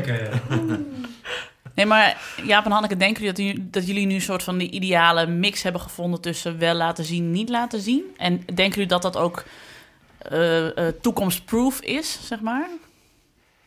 Ja, ik denk, ik denk dat je als je gaat zoeken op eh, namen zo dat je geen gekke dingen vindt. En Hanneke heeft een paar blogs van die jongens laten vast zullen denken van, ah, die wil ik echt niet meer hebben. Maar verder hebben we het best goed eh, besproken en zo. En eh, dat is best goed gegaan. Ehm, ja, de- en wat voor de mensen thuis misschien, weet je, met zo'n slotje erop, dat is gewoon wel belangrijk dat je niet kan kijken. Alleen het is wel zo als je, wij zijn helemaal niet die categorie, maar als je BN'er bent en je hebt wel een slotje, of wat jij net zei met Paul de Leeuw, ja, als iemand een screenshot maakt en die gooit het wel in de openbaarheid, Ja. dan ben je alsnog eh, de Sjaak. Want ik maak er al elk jaar een sport van om bijvoorbeeld de afvallers van tv-programma's een beetje te vinden, zoals Wie is de Mol en Expeditie Robinson. En dat, ehm, nou, bijvoorbeeld Dave Roelvink, eh, bekend van omdat hij de zoon van, eh hoe heet En dat hij? hij zich had laten pijpen in een bilbad. Dat had gezet. Ja, die jongen. Ja. Ja, precies. nou, die had dus eh, heel braaf zich in die periode dat de opnamen waren van Expeditie Robinson niet op social media gemeld. Maar hij was wel gaan Snapchatten. Dat blijft maar 24 uur beschikbaar. Dus hij dacht waarschijnlijk, als die gast ooit gaat zoeken, kan ik dat niet meer vinden. Maar een of andere fangirl had daar weer een screenshot van gemaakt van Snapchat. Dat op een forum gezet. Dat kwam ik tegen. Dus ondanks dat hij dacht super slim te zijn, ging die toch, ging die toch nat eigenlijk. En toen schudde hij met zijn vuist naar de lucht. Damn you, Jaap van Zessen. ja, toen belde hij eh, dat de AD een, een heksenjacht had geopend op hem. Dat was vorig jaar. Ja, had Moet hij nou nog zeggen? ja, ja, ik weet niet. Maar dat zijn wel dingen. En dat toen, er was een keer een verkrachtingszaak in Amerika. En dat was op zich wel goed dat die beelden kwamen. Maar dat was van Snapchat. Dus er was beelden op Snapchat gemaakt. Maar die verdwijnen na 24 uur van een verkrachtingszaak. En er werd toen een rechtszaak. Van eh, ja, dat heeft op Snapchat gestaan. Maar niemand had die beelden nog. En toen moest de rechter bij Snapchat die beelden opvragen. En warempel, ze hadden ze nog, weet je wel. Want, Zo, ja, natuurlijk. want natuurlijk hebben ze die ergens in een mapje verwijderde items. Maar die hebben ze gewoon nog. Dus die Ja. beelden die zijn niet 24 uur daarna weg. Als het echt nodig is, hebben ze die beelden nog. Dus alles wat je opneemt Instagram Stories, ja, ik wil niet helemaal bang maken zo. Social media is hartstikke leuk. Maar als het echt nodig is, kunnen ze die beelden gewoon nog boven water halen. Ja. Ja, er verdwijnt nooit iets op het internet. Eh, nee, in ieder geval niet. eh, Ja, voor het grote publiek wel. Maar dit gaat ergens in een eh, dataserver in Amerika, wat van Facebook is. Want Facebook en Instagram is allemaal hetzelfde en WhatsApp en zo. ja. Eh, daar komt het op. En nou ja, daar moet je wel rekening mee houden. Dat ja, als je denkt het is weg, nee, het staat gewoon ergens in een mapje. ja, want het is natuurlijk altijd bezit van iets, van Instagram of Facebook. Ja, uiteindelijk is het van zo'n Amerikaanse partij of zo. En die slaan dat op. En uiteindelijk als tien keer overgekocht worden voor heel veel geld... dan zeggen tegen misschien wel Russen van eh, alsjeblieft. Maar het zijn al je babyfoto's. Nou, misschien wel. Ja, je dacht dat Instagram eh, gesloten was, maar eh, we hebben ze toch nog. Ja, dat klinkt allemaal heel... normaal, maar daar moet je wel een beetje rekening mee houden. Want ze hebben ze wel ergens nog wel bewaard. Ja. Dat wel. Maar ja.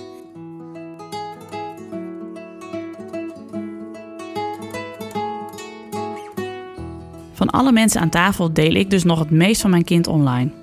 Hanneke en Alex zouden nooit een echofoto op Instagram gooien. Maar ook ik heb mijn grenzen. Zo vroeg Linda Nieuws me tijdens mijn eerste zwangerschap of ik rondom de geboorte een vlog zou willen maken. Ik kreeg het Spaans benauwd bij het idee alleen al. Wat als de bevalling een hel zou zijn? Wat als er iets mis zou zijn met het kindje?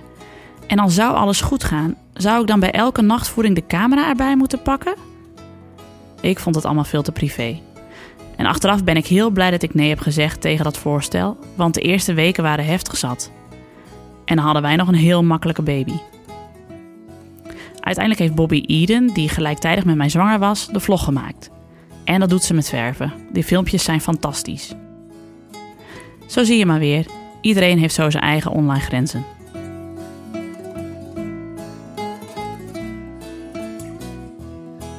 Ik heb ooit in een theatervoorstelling gezeten met Bobby Eden. niet seksueel, niet seksueel. Ik heb ooit, ja precies, inderdaad, ja. De vagina-monoloog. Nee, de lulverhalen. Zo, ja, precies. Ja, en eh, toen kwam ik er dus achter dat Bobby Eden en Mark heel leuk zijn... en dat ze in de vrije tijd altijd aan het haken is. Maar moet je dan nooit... Denk je dan niet de hele tijd... Jij was pornoactrice, dat zou ik dan de hele tijd... Of dan gaat dat op een gegeven moment voorbij? Ja, dat gaat op een gegeven moment wel voorbij. Het is de Bobby Eden special die we nu gaan opnemen. Eh, omdat ze... Die moeten we een keer uitnodigen dan. Ja, heel leuk. Ja! Maar wat voor thema?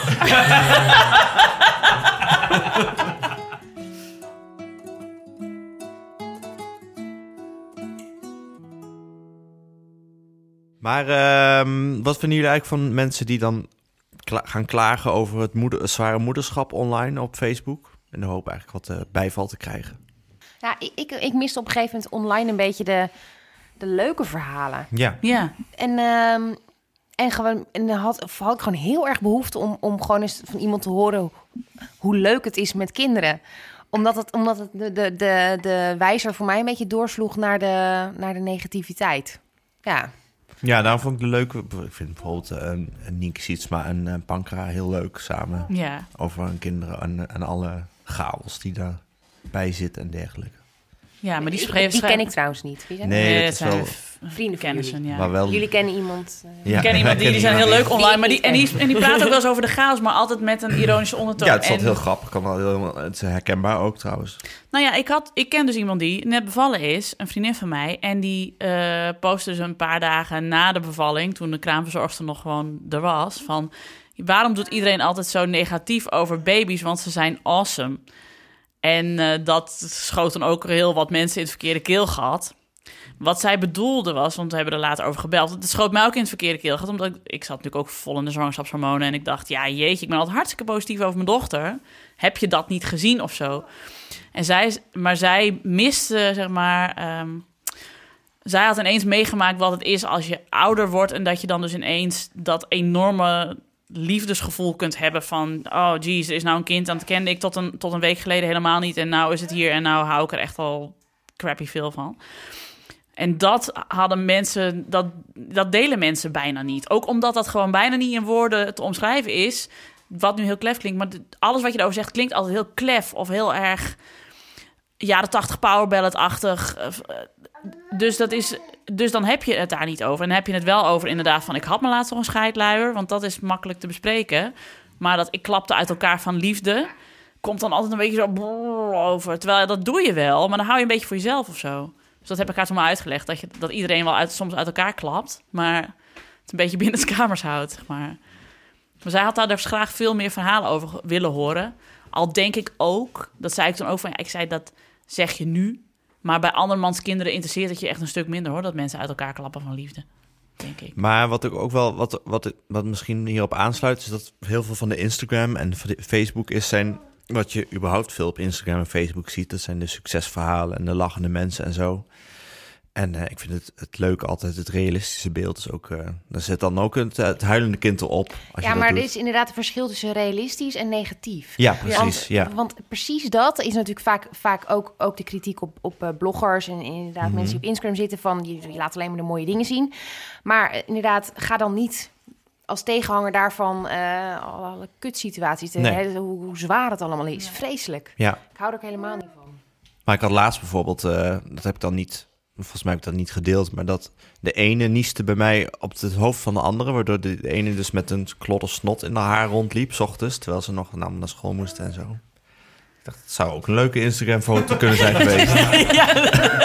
En dan heel realistisch Een gewoon. soort rijkaard ja, vuller. eh. ja, dat- dat is die mop vroeger van een Jantje, waarom is je haar zo groen? Ja, nou. Ik weet niet. Ja, ja, ja, ja, ja. Nee, maar het is, ook, het, het is toch net als het gewone leven. Het Ja. is niet de hele dag heel erg leuk. En het is ook niet de hele dag echt verschrikkelijk. Nee, het heeft, het heeft zo zijn fantastische momenten. En het heeft zo zijn momenten dat je denkt, oh... Weet je, ik was, eh, dit weekend was Janne bij mijn schoonouders. En eh, toen wij s'avonds in bed lagen, toen waren we helemaal euforisch van... oh, we worden morgen niet om eh, half zes wakker. Oh, dat je dan heel vroeg in bed gaat liggen, omdat je er maximaal van wilt genieten. En toen we 's ochtends wakker werden, allebei om half zeven, hè, mind you... Dat, eh, dat we toen zeiden, ah, nou, is ongezellig dat ze er nou niet is. Weet je, en dat je dan meteen gaat appen van, hoe was de nacht en eh stuur eens een foto. Ja, dit is een beetje, dit is een beetje het dat, ouderschap en de notendop. Dat En je, ja, moet je even vertellen van die foto's die jouw vader altijd stuurt als uh, Abe daar logeert? Welke bedoel je? Oh, nou ja, Misschien moet jij het even vertellen. dat is de oven. Oh ja, dat was een begintijd, ja. Toen die, eh, want hij, hij werd mij altijd voor zes uur wakker nog één keer uit. Dus ik was helemaal kapot op een gegeven moment. We waren s'nachts ook wakker. Alleen bij mijn eh, ouders was dan de enige plek op de een of andere manier in een dorp met hele goede lucht. eh, Ja, ja. Waar hij dan tot, eh, tot acht uur sliep, weet je wel. En dan, eh, ja, het zal wel de eerste keer, de tweede keer. Ja, weer tot kwart over acht geslapen. Dat was echt bij ons nog nooit gebeurd. Dus toen op een gegeven moment werd het traditie dat, dat hij naast de over ging staan met zo'n klok erbij. In zijn pyjamaatje. Nou, dan was het 8 uur 45. Stond hij daar met een slaperig hoofd net wakker. Dacht je echt... oh. Jullie stonden dan je hoofd zo op tafel hier Geloof te bonken. Ja. Mijn theorie is dat hij gewoon uitgeput was. ja. Van alle aandacht en alle... Of zijn de ouders mee, doof? Dat kan ook, hè? Dat ze het gewoon niet zo goed horen als Ja. ze wakker Ja. is. Ja, dat klopt echt. Oh, dat zou je soms wel denken trouwens. Ja, dat hebben we hier ook een keer in, dat, eh, in de, dat, Ja. eh, dat, een, dat iemand zei eh, eh, een inbeller van... nee, dat zei nee, en eh, mijn dochter slaapt zo goed door van half negen tot half negen. En dat een vriendin, of ze was alleenstaande moeder, bij haar, op een gegeven moment bij haar bleef logeren. En dat die zei, nee, je dochter slaapt niet door. Jij slaapt door. Ik heb haar de hele nacht gehoord. ja, en dat Nielsje dat ook nog zei. Nielsje die in onze pilot-aflevering over slaap ging vertellen... omdat haar kinderen... Niet, eh, die had ze met een slaapcoach aan het slapen gekregen. Haar eh, man is aan één oor doof... en die ging gewoon altijd op zijn, eh, op zijn goede oor liggen. dus Nielsje werd altijd wakker. Echt heel slim. Maar sommige mensen schijnen ook selectief eh, door, zeg maar, door te slapen. Dat zodra er iemand is die, eh, waarvan je weet dat die eh, opstaat om het kind te verzorgen, dat je dan wel doorslaapt. Ja. Dus wie weet, die vriendin van jou is zo iemand. Dat ze gewoon dacht van, nou, Hanneke gaat er wel uit.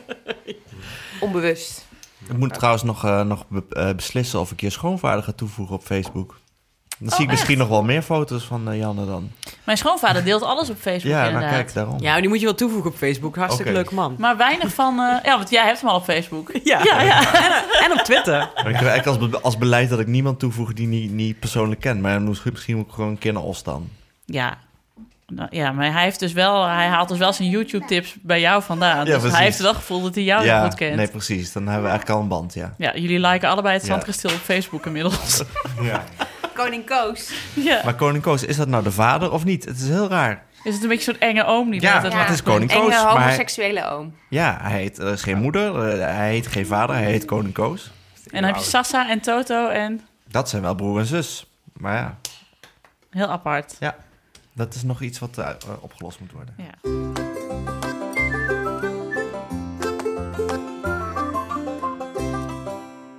We zijn bezig met de laatste ronde als Alex nog snel iets wil weten. Hij heeft nog een vraag voor Jaap over hoe hij zijn dochters uit het online web van Russische Spider-Mans kan houden. Ik wil weten hoe eh, ik mijn jongste dochter van de rare filmpjes bij YouTube weghoud.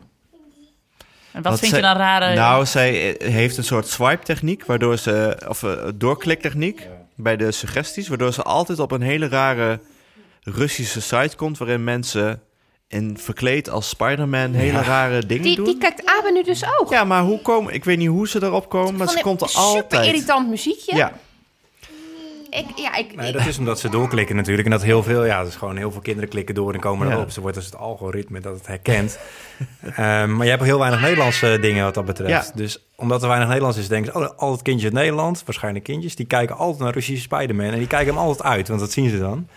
En dan doen ze dat. Wij op een gegeven moment zijn we overgestapt naar peutertube.nl. Ik weet niet hoe oud jouw jongste... twee. Twee jaar, wij zijn Peutertube. En dan heb je dus alleen, ehm, ja, het is een beetje het oude Revo-web, een beetje... Ja, ja. Zeg maar, maar dan heb je dus alleen de... ja. Weet dat soort dingen. Maar dan heb je dus alleen eh, geselecteerde eh, programma's zoals... eh, ja, een beetje wat je op Zeppelin en zo... Ja, ja, ja, ja, ziet. de oudste kijkt gewoon Netflix. Dat is veel handiger. Maar de jongste vindt Netflix Ja. op een of andere manier te saai. Waardoor ze weer wegklikt en Ja. dan al op de tablet gewoon YouTube kan vinden. Ja, en dat, door kan dat is ook YouTube. Alleen dan dus gewoon... een- Dat is gewoon een site waarbij je dus op playlistjes uitkomt... waarbij alleen die series zijn. Dus dat hebben wij toen met Abe een tijdje gedaan. Tot hij alles gezien had en niks meer leuk vond. En nu zit hij Netflix te kijken en dat vindt hij ook prima. Ah ja. Ja, ik ken dan wel iemand die dan eh, had alle family filters op YouTube ingesteld. Ja. Alleen die kon daarna zelf nooit meer hip-hop kijken. ja, ja, ja.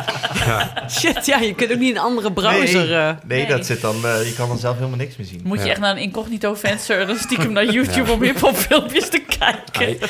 Daar is dat incognito venster ook niet voor gemaakt, volgens mij. Wij, Waar dan wel voor? Nou, Heb je niet een. Heb je geen oude smartphone die je dan speciaal, dat je daar YouTube op zet voor, eh, voor de jongste?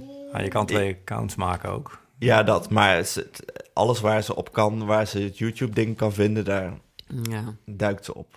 Maar goed, het is ook een beetje onze eigen schuld, omdat we 's ochtends niet op willen staan op zaterdag en eh, ze de tablet in bed mogen hebben bij ons. En dan, ja. Wat wel leuk is, is om een keer op je eigen naam te zoeken op YouTube. Wat je allemaal gedaan, achtergelaten hebt aan comments. Want heel veel mensen hebben dat dus helemaal niet door. Maar die geven dan dus. een hele gekke comments en zo. Maar dat is dan bij ons. Wij hebben dan nog eh, kinderen heel, heel jong. Maar als je dus pubers hebt, die, hebben ook geen, die reageren best wel veel. Ah, Oké. Dus en ik heb dan bijvoorbeeld met mijn chef, eh, ik noem geen naam, maar heb ik zo'n alert in staan. Als, ze als in media genoemd wordt, dan krijg ik altijd een mailtje om even in de gaten te houden van joh, eh, goed of slecht, maar dan weet je het in ieder geval. En dan krijg ik ineens alerts van hey, op YouTube een reactie achtergelaten. Zoontje van 13 heeft dan eh, Ah, iets gezegd, weet je. Hij heeft ook helemaal niet in de gaten dat hij onder de naam van zijn moeder reageert. En dat had ik ook met, die, met, ja, met Wie is de Mol wel eens een keer gedaan. En dan zoek ik altijd gewoon op namen in de periode dat die opnamen waren. Dan hey, het kindje van die en die, of tenminste, hey, die heeft iets op YouTube gezet, dus die zal wel terug zijn. En dan ga je inzoomen en dan blijkt het inderdaad op, eh, op een of andere peuter eh, website te zijn. Oh, oh, dus moeder was weg, dus vader heeft hem achter YouTube gezet. En, eh, goddank hebben ze, nu hebben ze alleen, heb ik dus alleen nog maar 500 medeklinkers ergens achter. eh, ja, wij hadden dat ook. Eh, ja. Of, of druk op die share-button van social. En dan heb je ineens op Facebook eh rare peuterfilmpjes. Het uitpakken van surprise-eieren, ja.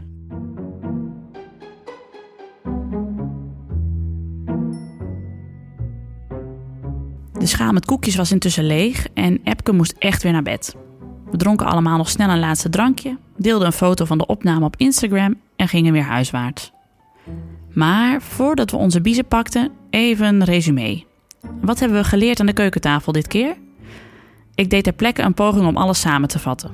Komt-ie. Eh, je mag best positief zijn op, eh, op social media over je kinderen. En ook wel negatief, maar doe het wel met ironie. Vind ik één goed punt. Het tweede punt is, je moet dus nooit je... De ogen van je kind zijn altijd terug te vinden. Dus als je niet wil dat je kind terug te zoeken is online... dan moet je niet de ogen fotograferen. of het kind had een zonnebril opdoen. Twee bloemen op de ogen. Bloed ogen. Of je moet je kind gewoon Jules de Korte noemen. En inderdaad gewoon alleen maar met een zonnebril fotograferen. Ehm Romy Boomsma is de ideale excuustruus. Ja, dat is ook een, een conclusie van deze avond.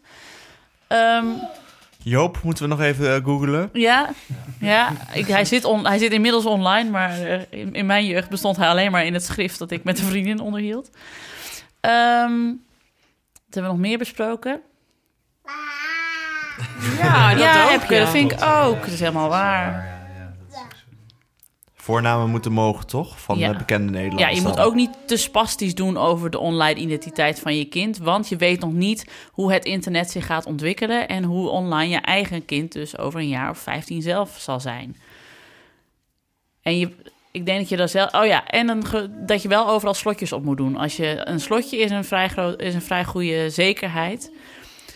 Tenzij je dus vrienden hebt die screenshots maken van jouw Facebook-post en dat alsnog online. Maar dan moet je gewoon andere vrienden gaan kiezen. Of Paul de Leeuw van je Facebook halen. dat kan ook. Sorry, Paul. Ehm, En als je een goede fotograaf bij... eh, ja, als je een go- goede fotogra- eh, fotograaf bij bevalling wil, dan moet je eh, Kim Kutter even mailen. Maar Of bij de conceptie. bij de conceptie kan ook. En maar Kim Kutter is zelf ook alweer zwanger, dus Lisette Lubbers fotografie gaat het weer druk krijgen de komende maanden. Dus Muk Kutter krijgt een broertje of zusje. Sorry. De kind heet niet... Maar ik ben ook zo erg dat ik als een puber altijd... Als iemand zegt Kim Kutter, dan moet ik... Doe ik dan. Ik wil Slaat nou in dat Kim op, Kutter sorry, dan, sorry. dan haar zich, eh, dus zichzelf opzoekt om dus zo ergens een uitgetypte versie van deze podcast vindt. Nee, maar Dan het is een- een O toch? Met een streepje erdoor. Ja, Dus precies. dus die vindt het niet. Ze moet dan op Kutter. Moet ze ook een alert op- aanstaan hebben op Kim Kutter, ja. Nee, maar dat ze dit dan luisteren en denkt... oh, jezus, echt weer vijf volwassen mensen die Ja. zitten te lachen om mijn achternaam. Ja. Echt, will they ever learn. Ik vond die Ja. lubbers ook al een beetje... eh, Nee, maar ik denk dat de, conclusie van deze avond wel is van... Je, je voelt zelf wel aan hoeveel je kind online moet zijn... hoeveel je je kind online moet zetten. Plus, over een jaar of 16 heeft je kind toch wel issues met jou. Of dat nou gaat om hoe vaak je hem of haar online hebt gezet... of niet, maar dan verzint hij wel iets anders. Ik denk dat ze over een jaar of 16 ons, als ze dit terugluisteren, ons heel hard gaan uitlachen. En wij zijn zoals die mensen die 16 jaar geleden zeiden dat ze geen mobiele telefoon nodig hadden. Ja. Want ze wilden niet elke dag bereikbaar zijn. Precies. En dat onze, onze kinderen Omdat over wij 16 gewoon- jaar zeggen... waarom heb jij mij niet meer online gezet? Want dan had ik dat nu... dan had ik nu al heel beroemd kunnen zijn Ja, online. Kutter, die kun je ook volgen tot vanaf de geboorte. Ja, waarom heb je dat niet bij mij gedaan? Janne Pannen. De Lau. Enfin, dat was het weer mensen. Dank voor het luisteren. Als je dit nou leuk vond, of als je dit liked, moet ik eigenlijk zeggen... geef ons dan alsjeblieft een review op iTunes met wat sterren erbij. Want dit zorgt ervoor dat meer mensen de podcast kunnen vinden. En oh ja, deel deze podcast met je vrienden, andere ouders en andere vage figuren van Twitter. Mochten jullie eraan twijfelen, we houden allemaal dus onwijs veel van Arie en zijn gezin. Arie is sowieso een van de liefste mensen van de vaderlandse showbiz. Dat mag ook wel eens gezegd worden. Arie, als je dit hoort, hartjes voor jou. Ook veel dank aan Jaap en Hanneke van Zessen en mijn vaste tafelgenoten Hanneke Hendricks en Alex van der Hulst. De productie was in handen van Anne Janssens van Dag en Nacht Media.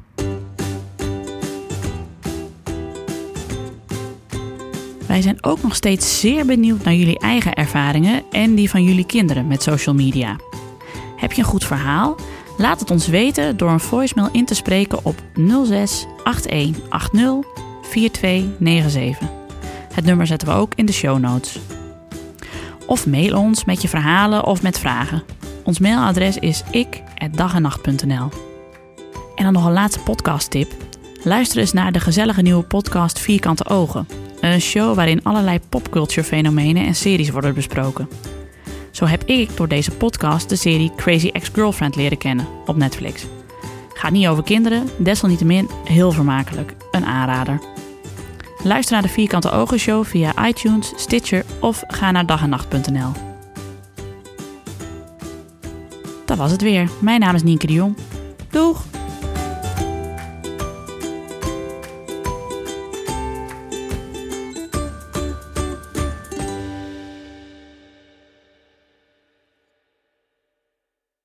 Nog even over die grootse en epische muziektheatervoorstelling. Het achtste leven voor Brilka is een marathonvoorstelling van 5 uur. Koop je tickets voor deze bijzondere theateravond via oostpol.nl.